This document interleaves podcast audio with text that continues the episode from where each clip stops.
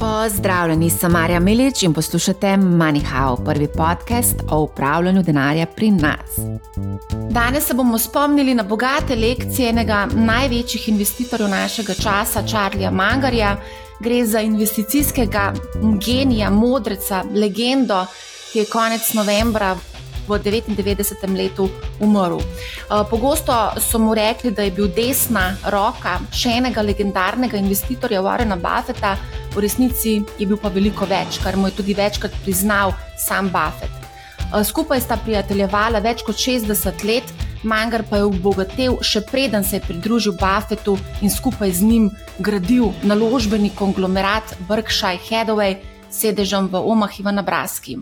Na čelo tega konglomerata je še vedno 93-letni Buffett, eh, ki se je po smrti svojega dolgoletnega partnerja in prijatelja odzval z zelo kratkim sporočilom. Brez Čarljevega navdiha, modrosti in sodelovanja Berkshire Hathaway ne bi bil to, kar je. O tem, kaj se lahko sodobni investitor nauči od investicijskega modreca Čarlja Mangarja, se bom pogovarjala z Zlatkom Turkovičem, ki je prevedel knjigo The Intelligent Investor oziroma Modri investitor.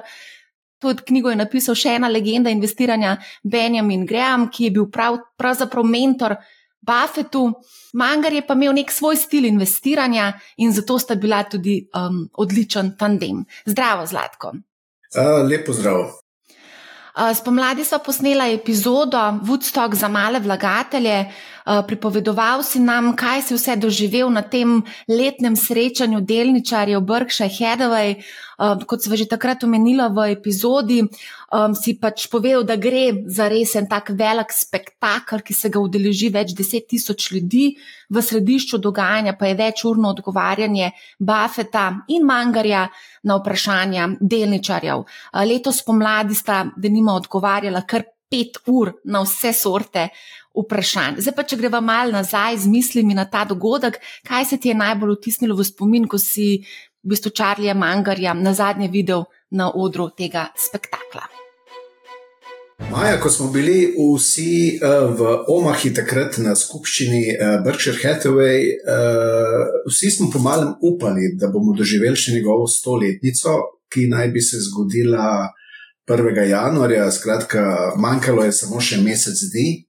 S tistimi, ki so sedeli poleg, smo se malo spogledovali, uh, vidimo se drugo leto ob uh, jubileju in tako naprej. Uh, nihče pa ni pričakoval, da uh, bo, recimo, da bo zdaj uh, novembra, oziroma že tako uh, kmalo pred svojim uh, rojstnim dnevom, uh, da, če temu tako rečemo, malo poetično, da nas bo zapustil. Dajo en zelo poseben pečat celi skupščini, ni bil glavni govorec, skratka, on je vedno dodajal nekaj. Najbolj znan je bil njegov znameniti stavek: Nimam kaj dodati. Takrat se je občinstvo celo malce nasme, eh, nasmejalo, in uh, to je bilo najbolj tisto, kar se ti utrne spomin. Drugače pa, kar je dejal, je ponovadi povedal z enim ali dvema stavkoma, ampak to je povedal zelo, bom rekel, na kratko in odrezavo. Uh, kot sem že takrat povedal v tisti oddaji, ona dva z Buffetom sta bila zelo uigran dvojec. Če bi oba veliko govorila, ne bi izpadlo tako dobro oziroma učinkovito, kajti vse skupaj tudi malo šova bilo, treba priznati. Če bi bila oba redko besedna, da bi bila gor na odru dva mangerja, uh, tudi ne bi bilo zanimivo. Kajti eden bi nekaj povedal, potem bi bilo mogoče minuto ali dve minute tišine, pa bi drugi nekaj povedal. Tako pa v bistvu je zadeva uh, med, bom rekel, uh, sodelovanjem med gostom besednim, če temu tako rečem, Buffetom in pa malce bolj redko besednim Mangerjem, uh, ta predstava, če tako rečem, zelo dobro delovala. Naslednje srečanje. Ja, verjetno naslednje srečanje ne bo tako, kot je bilo. Zelo, zelo veliko vprašanje je, uh, kaj je dejansko pomenil Manger za Buffeta. V bistvu govori se, da sta bila in jasno tudi bila sta zelo dobra prijatelja. Čeprav je Manger živel zadnje leto v Kaliforniji, uh, Buffet pa v Omahi, sta oba iz Omahe in v bistvu imata iste korenine in jaz to isto neko, bom rekel, tudi duhovnost, da si blizu, če temu tako rečem. Kajti uh, Amerika je tako raznolika. Nekdo iz, uh, bom rekel, New Yorka, pa nekdo iz uh, Midwest, uh, kamor spada tudi, bom rekel, Srednji Zahod, kamor spada uh, Omaha, Nebraska, sta si lahko karakterno, ta dva človeka sta si lahko karakterno zelo različna. Če je na eni strani bolj tako šov, pa površnost, je, bom rekel, na Srednjem zahodu, ki ga je tudi uh, Manger posebljal, je stvar malce bolj uh, usmerjena k globljim duhovnim, moralnim koreninam. Uh, tukaj je, bom rekel, življenje čisto drugačno in tudi Manger je znal povedati, you can take uh, a guy out of Omaha, but you can't, you can't take Omaha out of Guy. Skratka, lahko vzameš fanta, ne vem, zaposliš ga iz Omahe, ampak ne moreš mu pa vzeti Omahe iz njega ven. Uh, nekako tako. Če bi hoteli recimo to razumeti, jaz sem bil prvič na skupščini uh, letos.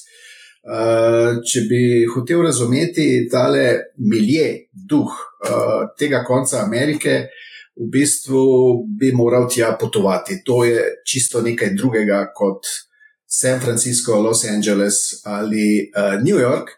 In uh, Charlie Munger je Omaha iz Nebraske, poosebljena po skromnosti, po umirjenosti, po daljšem horizontu gledanja in uh, nasploh karakterno.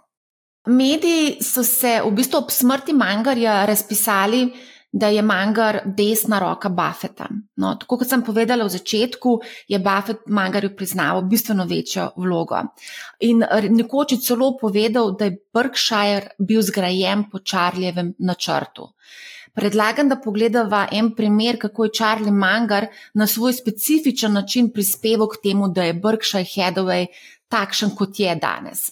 In sicer gre za naložbo Sis Candy, To je ameriški proizvajalec in distributer sladkarij, zlasti čokolade, in ta primer velja za neko sansko naložbo Berkshire Hathaway. Um, zgodba, pa, zgodba gre pa v to smer. Kupila sta to družbo za 25 milijonov uh, dolarjev v letu 1971 in v 52 letih sta v bistvu ustvarila 2 milijardi dobičkov pred davki oziroma več kot 8 tisoč odstotno donosnost. Pred leti je pa tudi Buffett priznal, da bi v bistvu ta posel kmalo splaval po vodi, če ne bi bil pač ustrajen in če ne bi tukaj, seveda, tudi manjkar mal posegel. Prodajalec je namreč zahteval 30 milijonov kupnine, on pa je ustrajal pri 25 in na koncu sta v bistvu sklenila za 25. Milijonov dolarjev. No, in tukaj je zanimivo, um, zakaj v bistvu, kaj, kaj je v bistvu poanta zgodbe. Uh, Charlie, uh, Buffettov stil izbiranja naložb nekako sledi filozofiji, filozofiji Benjamina Grahama, ki je temeljila na nakupu delnic družb, katerih tečaj je kotiral močno pod knjigovodsko vrednostjo kapitala oziroma čisto vrednostjo sredstev in cena, v kateri pač so se pogajali za ta Siskendi, je pomenila kar trikratnik kapitala. No in Charlie Mangar je Buffeta prepričal v to, da je bistveno bolje kupiti in zdaj pride ta znameniti stavek, čudovito podjetje pa pošteni ceni, kot pa pošteno podjetje po čudoviti ceni. In to sta potem še večkrat ponovila v praksi. Uh, to je v bistvu srč, uh, bom rekel, mangarevega investiranja. Uh, vi ste v vodu omenili uh, prevod knjige The Intelligent Investor Benjamina Grahama. Uh, v bistvu uh, smo pa v naši založbi, oziroma jaz sem naredil tudi prevod Filipa Fisherja, Common Stocks and Uncommon Profits, skratka, navadne delice in nenavadni dobički. In ta knjiga bolje pooseblja mangarjevo investiranje kot Intelligent Investor. Uh, Buffett se je naslanjal na Intelligent Investor, skratka na čisto knjigovodske uh, operacije, računanje uh, kazalcev, uh, če se da bom rekel, uh, podjetje kupiti pod knjigovodsko vrednostjo po nekem diskontu, ki je uh, razviden iz knjigovodskih podatkov, medtem ko Fisherjeva uh, doktrina oziroma njegova filozofija, je pa tista, ki jo je Manger poosebljal. Skratka, on se je bolj obrnil na uh, kvaliteto podjetja, uh, malce pogled v prihodnost, kakšne perspektive ima podjetje. In če tudi je to podjetje, ne vem, dvakrat, trikrat nad knjigovodsko vrednostjo, ali se v tem trenutku zdi drago, uh, ga je vredno kupiti. Tako je uh, pač uh, tudi Charlie Munger uh, svoje naložbe uh, izvajal. Uh, kot ste rekli, uh, čudovit biznis po pošteni ceni. To je doktrina, uh, uh, ki je potem jo verjetno povzel, uh, prevzel uh, tudi Buffett, mu je bila zelo všeč. Uh, tako da uh, to je, bom rekel, bi jaz priporočal vsakomor, ki hoče to usvojiti, uh, da si, bom rekel, lahko iz, uh, iz te knjige prebere. Filip Fisher bi lahko rekel, je nekje duhovni oče Charlieja Mangerja. Uh, seveda, Charlie Manger je imel tudi druge uh, kvalitete. On je bil, bom rekel, po izobrazbi tudi matematik. Uh, bil je, čeprav ni končal, uh, bom rekel, šole čisto uh, do kraja, je pa diplomiral na Harvardu iz uh, prava in je imel tudi bom rekel, iz drugih vidikov v pogled v, uh, v analizo podjetij in s tem, bom rekel, izbor delnic. Siskendis je tipičen primer tega. Uh, to podjetje ni izgledalo nič posebnega v času nakupa, delali so sladkarije. Moram reči, da so delali zelo dobro sladkarije. Jaz sem, uh, zdaj, ko sem bil v Omahi, uh, sem tam uspel kupiti, ne vem, če se to da izven Amerike kupiti. Uh, človek bi rekel, piškoti, kot piškoti, ki je tukaj kakšna, bom rekel, velika zgodba. Ampak moram vam reči, da so to zelo dobre sladkarije. To, kar poskusiš, je za deset dobro. In uh, ona dva sta to kupila po taki nizki ceni, uh, s tem, da Manger je videl, da je trg za tako za te uh, piškote, če temu rečem, oziroma za tako dobre piškote, zelo velik. Ena od glavnih stvari, ki so tukaj bistvene ne, pri tem načinu investiranja, čudovit posel za pošteni ceni, je sledeče: oceniti velikost trga, prodajnega. Če je trg majhen, oziroma če je kupcev, potencijalnih kupcev malo, lahko ti imaš še tako čudovito, čudovite kazalce. To je zdaj razlika od klasičnega pristopa na podlagi bilanc stanja, uspeha in pa denarnega toka, ki ga v bistvu zagovarja, ki ga je zagovarjal Graham.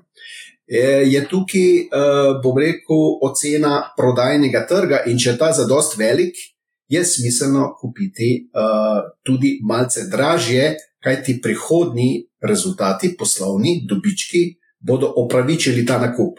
Bistveno je pa se ustaviti pri pojmu poštena cena, da se tukaj vlagatelj ne upeče oziroma ne uh, kupi po preveč pošteni ceni, če rečem temu na rekovaju. Buffett uh, je pa tudi povedal, da ga je Charlie Munger, tako kot ste že omenili, um, ga je v bistvu izoblikoval in dodal je ta pa tudi tak zanimiv citat. Fant, če bi poslušal samo Bena, Benjamina, bi bil danes veliko revnejši.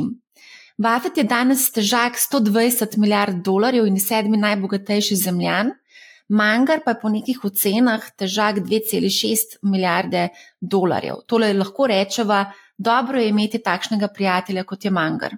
Ja, uh, dobro je imeti prijatelja, ki te da na prvo mesto. Uh, to je treba povedati. Uh, Manger je zavestno, uh, zdaj je bil v resnici skromen, ampak on je zavestno prepustil prvo mesto Warrenu Buffetu. In to je pač umetnost uh, vsakih tudi poslovnih odnosov, ko ste dva v partnerstvu v nekem poslu. Uh, da eden je uh, tisti, ki pač odloča, uh, drugi se pa malce podredi. In uh, kot je bilo že rečeno, ta dva sta, bom rekel, v tem pogledu uh, odlično sodelovala. Uh, je pa zdaj, glede teh donosov, pa milijard, koliko je bil kdo težek. Uh, jaz ne bi rekel, da je bil uh, Grahamov, uh, bom rekel, način investiranja, ki ga je Buffett tudi uh, izvajal, tako slab. Kajti, če pogledamo natančne donose, ki so tudi elaborirani v knjigi Modri investitor oziroma Intelligent Investor uh, v angleščini. Uh, on je med v 70-ih letih, ko je, bom rekel, obračal, če temu tako rečem, svoj denar, uh, imel zelo dobre donose. Kaj ti Graham je, bom rekel, se zelo veliko orientiral na ciklične delnice, skratka na neke. Neka podjetja, klasična, ki imajo dobra leta in slaba leta. Uh, v tem primeru je šlo takrat v 70-ih letih za naftna podjetja, In uh, Buffett je v zgodni fazi videl uh, nafto kot primerno naložbo. Nafta ni, uh, bom rekel, mangarjevo polje, uh, nafta ni Fisherjevo polje. Uh, zdaj, da bi rekel, da je to nek čudovit posel, uh, je dober posel, v enih letih, v enih letih ne, ni pa to posel. Uh, V tem smislu, da bi rekel, da je to trajno raztoče podjetje, in tako naprej. In takrat je imel Buffett, če gledamo njegove podatke, je imel tam v enih letih tudi kar tam 30 do 40 odstotkov povprečno letnega plusa v teh 70 letih z takimi uh, Grahamovimi podjetji. Uh, seveda, uh, kasneje je. Se je, bom rekel, ta uh, naftni cikl uh, iztekel, in uh, potem sta uh, z uh, Mangarjem kupovala tudi, bom rekel, podjetja, nekje na daljši rok, raztoča podjetja z nekim dolgoročnejšim horizontom. Uh, tukaj, recimo, mogoče spada uh, takrat uh, pač že omenjeni Sis Candies, uh, Coca-Cola, uh, pa še nekatere uh, naložbe. Zdaj, da je bil eden, da je imel dve milijarde, drugi pa sto milijard, zdaj tukaj gre pripisati mogoče malce večjim karakternim razlikam. Buffett je, kako se temu reče, on je, rekel, on je varčen njemu je varčnost, uh, bom rekel, na prvem mestu in on vsak dolar uh, previdno obrne, ali je smiselno, ni smiselno. Uh, Medtem ko Manger je bil pa malce bolj, bi rekel, mogoče. Filozofski pa je gledal življenje ne samo skozi vrčevanje, ampak je gledal uh, življenje tudi skozi izpolnjevanje nekih uh, nekih ciljev življenjskih, ki jih je on videl. Uh, to, je tudi, uh, to je pa tisto, ne, delati, bom rekel, tudi za dobro bližnje okolice, čeprav sta oba filantropa. Ampak se mi zdi, da je bil Mangar glede tega uh, do svoje okolice malce bolj uh, radodaren. Uh, on je bil, če sem prav nekje uh, zasledil, Njegov idol je bil Benjamin Franklin, eden od ustanoviteljev, uh, političnih ustanoviteljev ZDA, tako imenovanih Founding Fathers. In uh, če vzamemo tega Benjamina Franklina, on je bil nenavadno skromen človek. Kot prvo, nje, za njega je bilo namenjeno, da bo predsednik Združenih držav takoj za Georgeom Washingtonom drugi človek, uh, drugi po vrsti. Ker takrat je kongres uh, volil uh, predsednika in kongresu so se pač vsi poznali, takrat v prvih letih ZDA. In so rekli, uh, Franklin, uh, zdaj boš pa ti predsednik. In on je rekel, da ne. Ali poznate kakšnega človeka, recimo, ne vem, zdaj, pa prej, pa kasneje, ki bi rekel, uh, nočem biti ameriški predsednik, lahko mi ponudite to vlogo, ampak nočem biti. In uh, Manger je Franklina vzel nekako za svoj vzor. In mu ni bilo na, prvim, na prvem mestu izpostavljati se v ospredje, ampak mu je bil uh, na prvem mestu ne vem, nek večji cilj, dati drugim prednost. Kot ne vem, ali je to temu se reče galantnost ali uh, kako drugače, ampak uh, to je mogoče tista poanta, tista nota mangarja, ki jo morda širša publika ne pozna. se pravi zavestno odstopanje prvega mesta. Uh, tole uh, o Benjaminu Franklinu, jaz sem slučajno to knjigo prebral o njem pred mnogimi leti, nisem vedel, da je Mangar njegov oboževalec. Uh, v angleščini ima uh, naslov Benjamin Franklin, First American, uh, tako da na Amazonu, kdo hoče uh, to knjigo prebrati, uh, si jo lahko kupi in uh, spoznal bo, kdo je bil idol uh, Charlieja Mangarja. Zdaj, nekdo, ki je Charlie Manger z vsemi svojimi, uh, bom rekel, uh, spoštovanja vrednimi lastnostmi, ne samo naložbenimi, ampak tudi karakternimi, moralnimi, uh, In če najdete, kdo je pa njegov idol, to je pa potem dejansko, bom rekel, res uh, neko posebno odkritje. Če bom rekel. Seveda so pa tudi, tudi uh, nam bolj znane njegove uh, te naložbene strategije, mangarja, uh, kjer, kot ste omenili, uh, je osnovno pravilo kupovati čudovit uh, posel po fair ceni. On je recimo svoje te, kako se temu reče, uh, ideje znal povedati tudi v nekih kratkih stavkih. Skratka, ne ribari tam, kjer ni rib. Uh, to v prevodu pomeni, da kupuješ tista podjetja, kjer je prodajni trg zagotovljen v naslednjih 5, 10, 15 letih. Ne samo v naslednjem letu, ampak v naslednjih 10, 15 letih. Uh, to je čista Fisherjeva, uh, Fisherjeva doktrina, uh, ki jo je Manger zelo, zelo zasledoval. In to je morda ena od, uh, ena od stvari, ki bi se jih lahko, recimo, investitor, ki kupuje delnice na splošno, uh, bi jo lahko kar se tiče Mangerjevih eh, njegovih načel, eh, mogoče si jih najbolj zapomniti. Če gledamo eh, naprej Mangerjev način investiranja, v bistvu druga stvar, ki je njemu bila najbolj pomembna, je bila pa, da je na vrhu podjetja pravi človek. Ta pravi človek mora imeti moralno integriteto, po domače povedano, ne sme iz uh, blagajne podjetja jemati denar, pa si ga nakazovati v davčne oaze, ali če zelo grobo povem. Kot drugič, mora pa imeti sposobnost, kompetenco. To pa pomeni vodenja, organiziranja in pa dejansko neke vizije podjetja, uh, kam gre. Vse, uh, bom rekel, troje naenkrat to je zopet uh, tisto, kar je Filip Fischer uh, dejansko v svoji uh, knjigi Navadne delnice in navadni dobički uh, najbolj uh, propagiral. Če temu rečem propagiral, to je tako zelo poceni beseda, ampak ja. Um, ali lahko zdaj le uskočam? Um, zdaj, mogoče, ko govorimo o teh nekih uh, strategijah in pa naložbah, uh, veliko krat uh, zlasti mlajši investitorji uh, tem modrecam, tem legendam očitajo, da niso v stiku s sodobnimi trendi.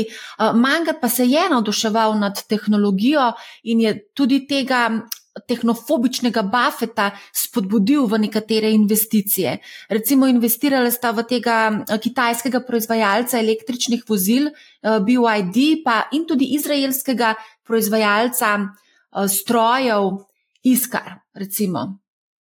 Zdaj jaz konkretno teh naložb ne poznam, lahko pa samo rečem tisto, kar sem Na zadnje je slišal, ko sem bil na skupščini, ko je govoril o kitajskih podjetjih uh, Manger.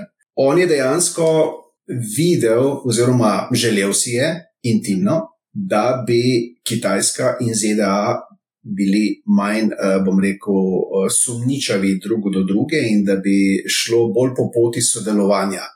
Skratka, on je to razumel, ker on je tak karakter, kar, uh, ki razume, kaj je sodelovanje. Uh, seveda, zdaj uh, njegove kitajske naložbe, jaz ne vem točno, kako so se odrezale, kajti kitajska borza je krepko padla zaradi uh, ustavitve globalizacije in pa razdelitve svetovnega trga, bi rekel, tako nevidno razdelitev na dva dela. In tukaj je dejansko on mogoče malce prezgodaj idealistično upal, da bo prišlo do nekega hitrega, uh, bom rekel, zbliževanja ZDA in Kitajske, kajti to je nujno, če naj bi. Bila, uh, bila kitajska podjetja dobra naložba, kajti samo Kitajska in pa tisti bazen okoli nje, ta prodajni trg je za Kitajce premajhen da bi podjetja recimo, lahko bila toliko dobičkonosna, da bi izpolnjevala mangerjeve uh, vizije za dosti velik trg uh, v prihodnih desetih, petnajstih in tako naprej uh, letih. Uh, seveda, on je bil uh, odprt za nove tehnologije, to ni slučajno. Zopet bi se tukaj vrnil k Benjaminu Franklinu, njegovemu idolu. Benjamin Franklin ni bil v svojih časih samo politik, je bil tudi izumitelj, znanstvenik, bom rekel, mecen, kulturni mecen in tako naprej. On je med drugim izumil strelovod. Kaj hočem s tem povedati? Manger je občudoval razvoj, tehnološki razvoj, tako kot je svoje čase Franklin bil dejansko nek pionir v tehnološkem razvoju. Čeprav bi kdo rekel, da ja, 200 let nazaj, to so bili pa vsi staromodni in tako naprej. Vendar se je Franklin tu razlikoval in zdaj uh, Mangar, uh, kot njegov, uh, bi rekel, ne bom rekel, oboževalec, je pa. Uh, dejansko tukaj videl uh, priložnost. Bil je dovzeten za nove tehnološke, uh, tehnološke pojme. In zdaj dejansko bo zelo zanimivo videti, kako bo Bršer Hetave v nadaljevanju uh, usmeril svojo strategijo, ali bo sledil, oziroma kdo bo dajal ton. Uh, Morda, mora biti novim naložbam v tehnologijo, uh, zdaj, ko mangere ne bo. Kaj ti mangere dajo Buffetu, recimo, temu uh, nek pogum. Uh, Buffet je imel predstavo, kaj kupiti, ampak je vedno pred vsakim nakupom vprašal. Uh, Mangerja mu je telefoniral v, v Kalifornijo, tam le 3000 km naprej, uh, sta na razen živela. Uh, kaj misliš, je to dobro, ni dobro in nekako potreboval je uh, njegov da ali kaj ne vem, ali njegovo mišljenje. Zdaj, ko omenjava Kitajsko, pa vse te tehnološke inovacije, je imel pa tudi Mangar eno zelo zanimivo izjavo vezano uh, na Bitcoin. In sicer je rekel, da so ZDA videti manj inteligentno v primerjavi s Kitajsko, ki je pod vodstvom Xi Jinpinga, v bistvu, ker so omejili oziroma prepovedali Bitcoin. Bil je zelo, zelo, zelo kritičen do Bitcoina, sovražil ga je, označil je Bitcoin za zlo čež da ima potencial, da spodkoplje ameriški finančni sistem. In celo v začetku tega leta je dejal, pri 99 letih je potem označil kriptovalute za kripto sranje, kripto šit, je rekel. On je glede Bitcoina, uh, kot, sem, kot sem povedal, je bil malce moralen človek in je rekel: uh, Preziram Bitcoin, uh, ker se ga uporablja za izsiljevanje in pa za odkupnine pri ugrabitvah. Uh, tako, bil je zelo direkten, uh, rekel je Bobo Bob. Uh, kar se tiče pa vrednosti, uh, bom rekel, nalaganja v kriptovalute, pa sta oba z Buffetom bila tukaj na, uh, bom rekel, istega mnenja. Mm, v smislu, ni jasno, kaj je, kje je vrednost tukaj, uh, tega, uh, bom rekel, uh, tega inštrumenta. Uh, verjetno neka kvazi vrednost naj bi po njenem mnenju bila morda v kot uh, neki menjalni vrednosti, ampak v uporabni vrednosti, uh, ki pa stoji za naložbami v delnicami, pa ne. Tako da uh, niti nista kaj dost vedela elaborirati. Uh, verjetno sta bolj tako gledala na to kot neko, uh, neko modno. Uh, če temu rečem, modno muho, ki zdaj traja že nekaj, čaka, že nekaj časa. Sicer pa Bitcoin, pa uh, Omaha, pa Berkshire Hathaway, bom rekel, te stvari ne grejo skupaj. Če bi slučajno se tam znašli, bi videli, da to ni neko, neko okolje, kjer bi se špekuliralo, kajti to je uh, poljedelska država, uh, ki je. Bila zgrajena na nekih tradicionalnih vrednotah, delo, družina, in tako naprej, uh, moralna načela, uh, dobro sosedstvo in tako naprej. Uh, tukaj špekuliranje dejansko nima neke, uh, neke, neke podlage. Uh -huh. um, a greva mogoče zdaj um, mogoče malo analizirati uh, nekaj njegovih misli, pa bova šla kar po vrsti. Uh, recimo, največje tveganje je, da ga niste pripravljeni sprejeti. To je povedal o tveganju. Uh, tudi Charlie Munger, kot uh, izjemen, uh, bom rekel, izjemno daljnoviden uh, investitor, je dejansko uh, priznal, da tudi sam je delal napake in uh, sigurno. Investiranje brez napak, kdo tega ne razume, uh, bom rekel, bolje, da se ne loti investiranja. Bolje, da se uh, drži nekih uh, fiksnih naložb. kaj ti uh, vse odločitve ne bojo pravilne.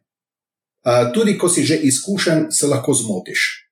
Uh, tako je recimo bilo uh, pri Berkshire Hathawayu glede IBM-a. Ona dva sta uh, kupila IBM v, rekel, v, uh, z nekim pogledom, da bo to v bodočnosti uh, podjetje, da bo to čudovit biznis, vendar sta potem ugotovila uh, Manger in uh, Buffett, da to ni to in sta priznala napako in šla ven. Recimo, če bi drugo napako hotel uh, odkriti, uh, kjer sta jo naredila. Mogoče napaka, ki je malce manj vidna, je pri podjetju Heinz oziroma Kraft Heinz, ki sta dejansko uh, takrat, ko je bilo, ko sta kupila večinski delež, mislim, da je bila delnica okoli 80-90, zdaj ne vem natančno, po kakšni ceni sta ona kupila, uh, vendar je kasneje ta papir krepko padel. Uh, ne bi zdaj o razlogih, zakaj je padel, tako da tudi ona dva sta imela določene uh, napake ni samo Sis Candice zgodba o uspehu, ampak so tudi uh, druge zgodbe. Tako kot v vsaki uh, dejavnosti, tudi v investiranju. In tega se je Manger zavedal. In to je treba, uh, investitor, ki uh, hoče investirati kot Buffett, kot Manger, uh, se mora tega, da bom storil napako, zavedati. Seveda mora to napako znati tudi uh, si priznati in potem tudi uh, ustrezno se odzvati. Potem je tudi ena zelo zanimiva um, misel. Uh, pogosto rekel je, da je ključ do uspeha uh, v tem, da leta, celo desetletja ne naredimo ničesar in čakamo na naslednji nakup. Tukaj v bistvu nekako sugerira na to dolgoročnost, ki sta jo zasadovala tudi Berkshire Hathaway, in nekatere naložbe v portfelju so že desetletja v portfelju, ne? tako da mogoče tudi z tega vidika lahko pogledamo na to. Ja, če je prvo, prvo načelo, uh, kupi čudovito podjetje po pošteni ceni, je pa potem uh, načelo, spremljaj ali je to podjetje še naprej čudovito, in če odgovor da, ga drži uh, nekaj desetletij, ali pa celo, kot sta znala reči, lahko ga držiš tudi v nedogled uh, celo življenje.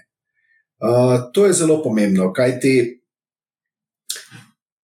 trg, borza se lahko tudi glede dobrega podjetja moti kratkoročno, ne vidi tisto, kar je to podjetje zmožno storiti čez 4, 5, 6, 7 let, ampak vidi samo, kar je lahko to podjetje stori v naslednjih treh mesecih.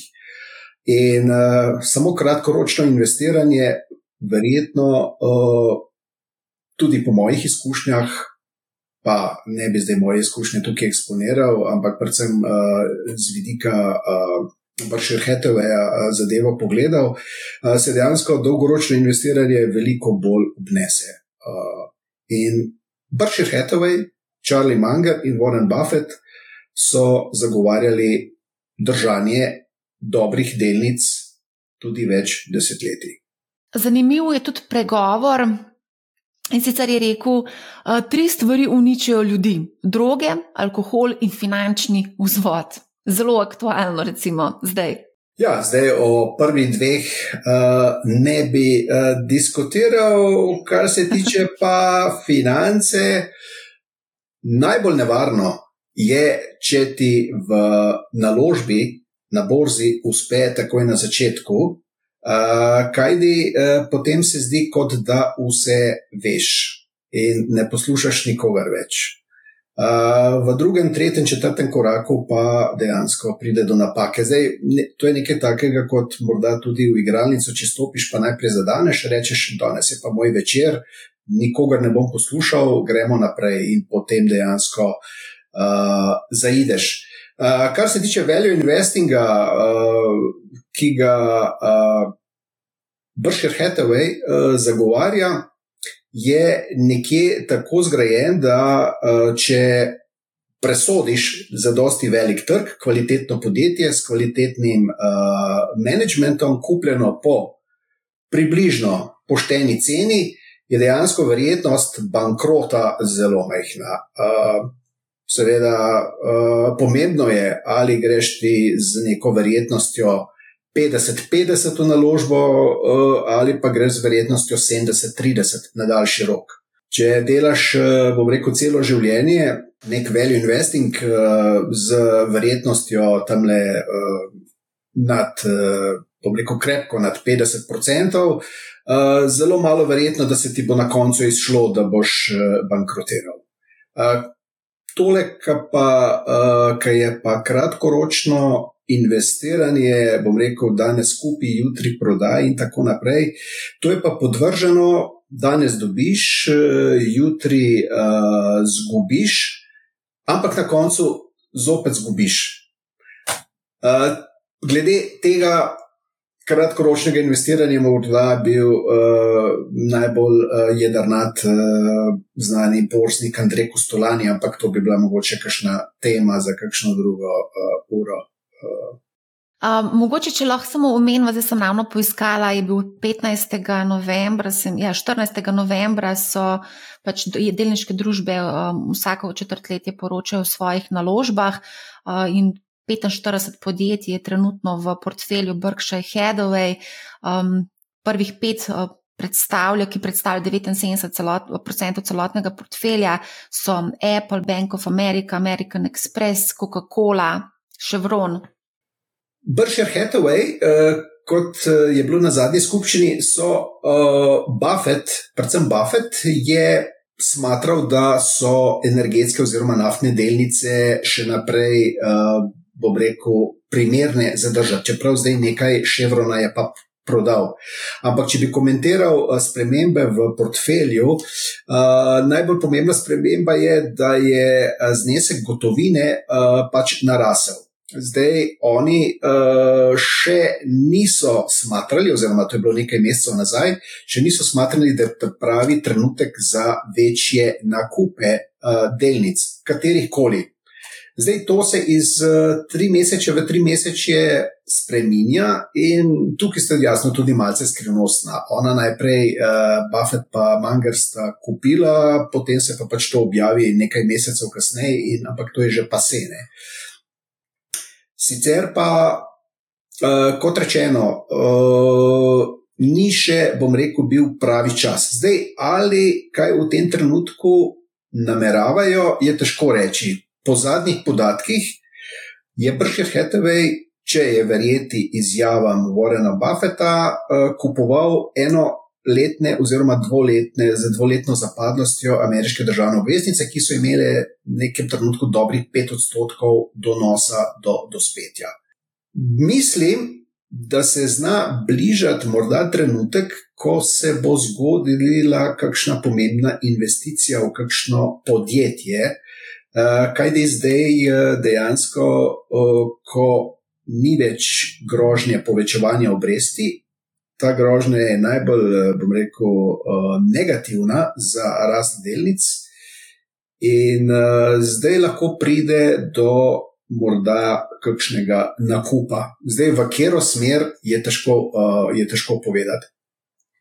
Zdaj, oni obračajo, bršir hetave obračajo tako veliko denarja, da dejansko kupovanje nekih malih pozicij, uh, ki jih mali vlagatelj lahko dela uh, in dejansko veliko zasluži, pri njih ne pride v poštev, ker pri njihovih silnih milijardah. Uh, bom rekel, neko podjetje, ki ima tržno kapitalizacijo 2 milijarde, uh, dejansko uh, je premehna, uh, premehna neka strateška investicija za uh, resno investiranje. Uh, zdaj ta velik denar, ki ga pa imajo, pa pač uh, držijo ne vem, kaj naj bi bilo tisto, kar bi bil naslednji nakup, morda kaj z in umetno inteligenco v zvezi ali kaj podobnega. Uh, lahko se zgodi. Uh mhm. -huh. Kaj pa bo, pa uh, v tem trenutku še ni jasno. Uh -huh. A, mogoče sem, če skočim še na borzo. Berkshire Hathaway je ena najdražjih delnic na borzi, 545 900 Eh, dolarjev stan nakupene delnice. Zdaj, ko pogledamo um, zadnje dogajanje na borzi, um, ni bilo neke spremembe v smislu, da bi lahko smrt Charlija Mangarja um, zatresla tečajnica. V bistvu oni že imajo naslednika, uh, Abel uh, je naslednji uh, CEO, ki, je, uh, ki bo pač nasledil uh, Buffeta, Verjetno, kot, kot sem jaz uspel malce videti, eh, bom rekel, tega človeka, sigurno oni so ga dejansko veliko bolje poznajo, ampak jaz verjamem, da je uh, podkovan v temu, uh, v value investingu in da bo zelo dobro uh, delal še naprej.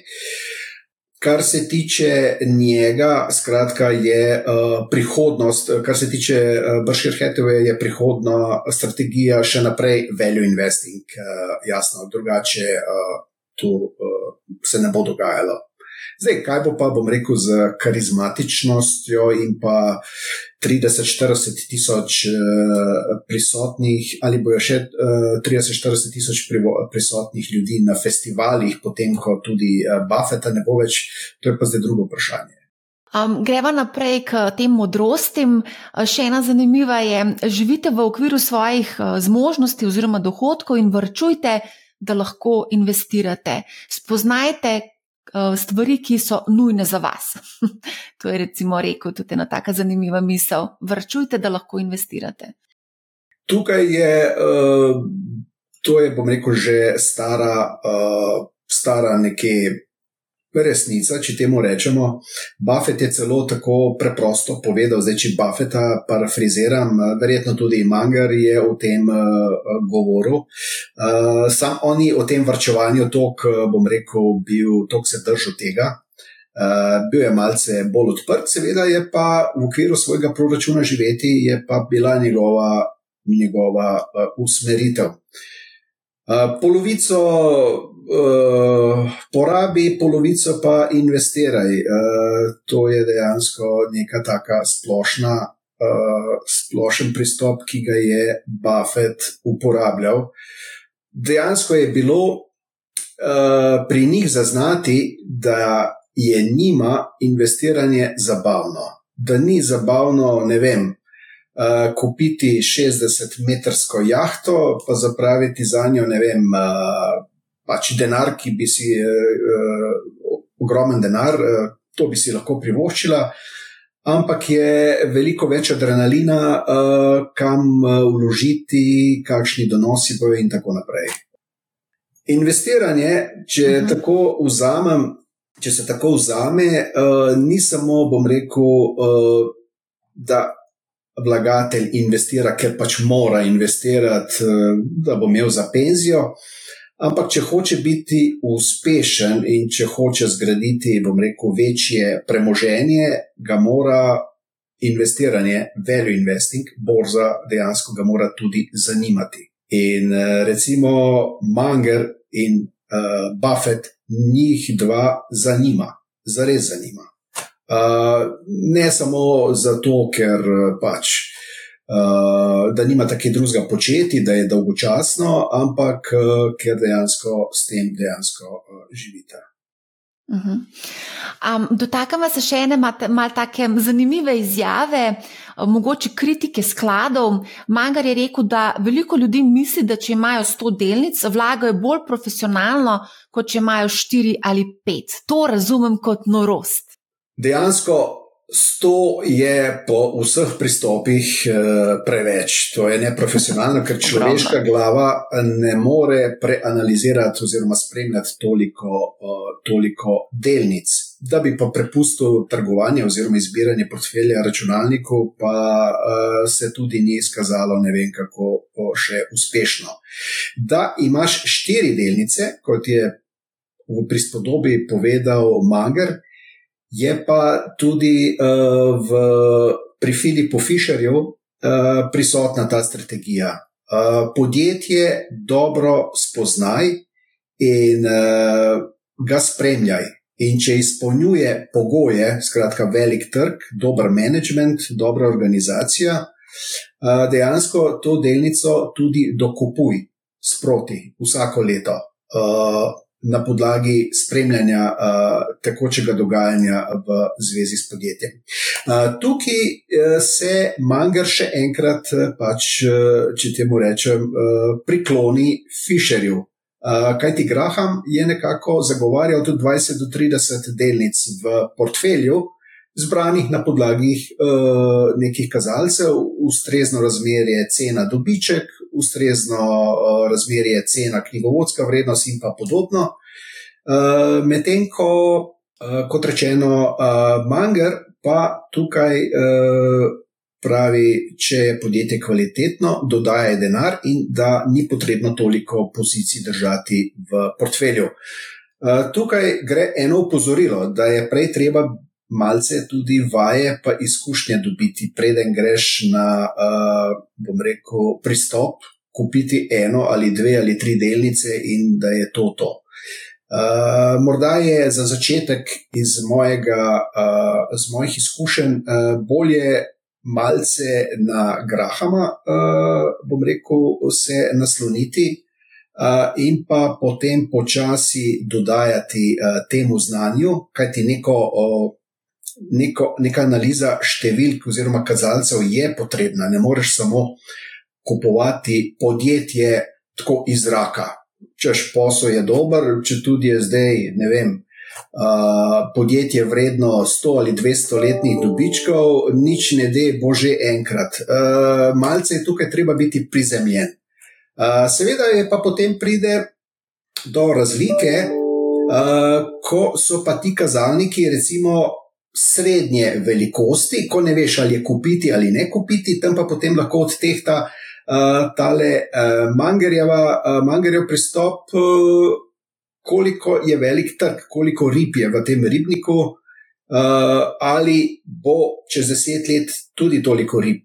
Uh, in če je to da, potem uh, je smiselno kupiti podjetje, če tudi trenutno po kazalcih, uh, Grahamovih kazalcih, še ni atraktivno. To je en tak zim zelen na svet, lahko ne. Mogoče lahko za zaključek um, nekako um, zaključiva s tem, kaj lahko sodobni investitor, kako lahko vsa ta znanje, te modrosti uh, Čarlija Mangarja uporabi pri svojem investiranju. V bistvu uh, nekaj tega smo že povedali. Uh, Od mangarja se lahko nauči, uh, bom rekel, skozi teh nekaj uh, kratkih stavkov ali dovtipov, lahko dobi nek občutek, uh, v katero smer, uh, bom rekel, kakšno filozofijo naj prevzame. Uh, sicer pa vsakmu investitorju še naprej priporočam dve dobri literaturi. Eno ste omenili Intelligent Investor, in druga je od Filipa Fisherja. Common Stocks and Uncommon Profits. Uh, ta je zdaj uh, najbolj uh, v igri, uh, če uh, govorim iz vidika današnje ure, ki se pogovarjava. Uh, kajti ta pristop je tudi, uh, Berkshire Hathaway, Charlie Munger in Warren Buffett če dalje bolj uh, uporabljata, sta ga uporabljala in ga uh, Warren Buffett verjetno bo tudi še uporabljal v uh, prihodnje. Uh, izobraževanje uh, na tem področju, potem pa dejansko uh, vaja, bom rekel, investiranje z pravim denarjem. Rezultati, ki pridejo na ta način, bodo zelo verjetno boljši od referenčnega borznega indeksa oziroma investiranja v skladih, vendar je pogoj, če se lotite uh, investiranja na ta način, je, da vas stvar vsaj malce zanima. Uh, če te nogomet ne zanima. In če imaš v glavi samo uh, bo, dobro plačo, ki jo boš imel, uh, ne igraš ga parat, ne boš dober nogometaš. Podobno je tudi na borzi.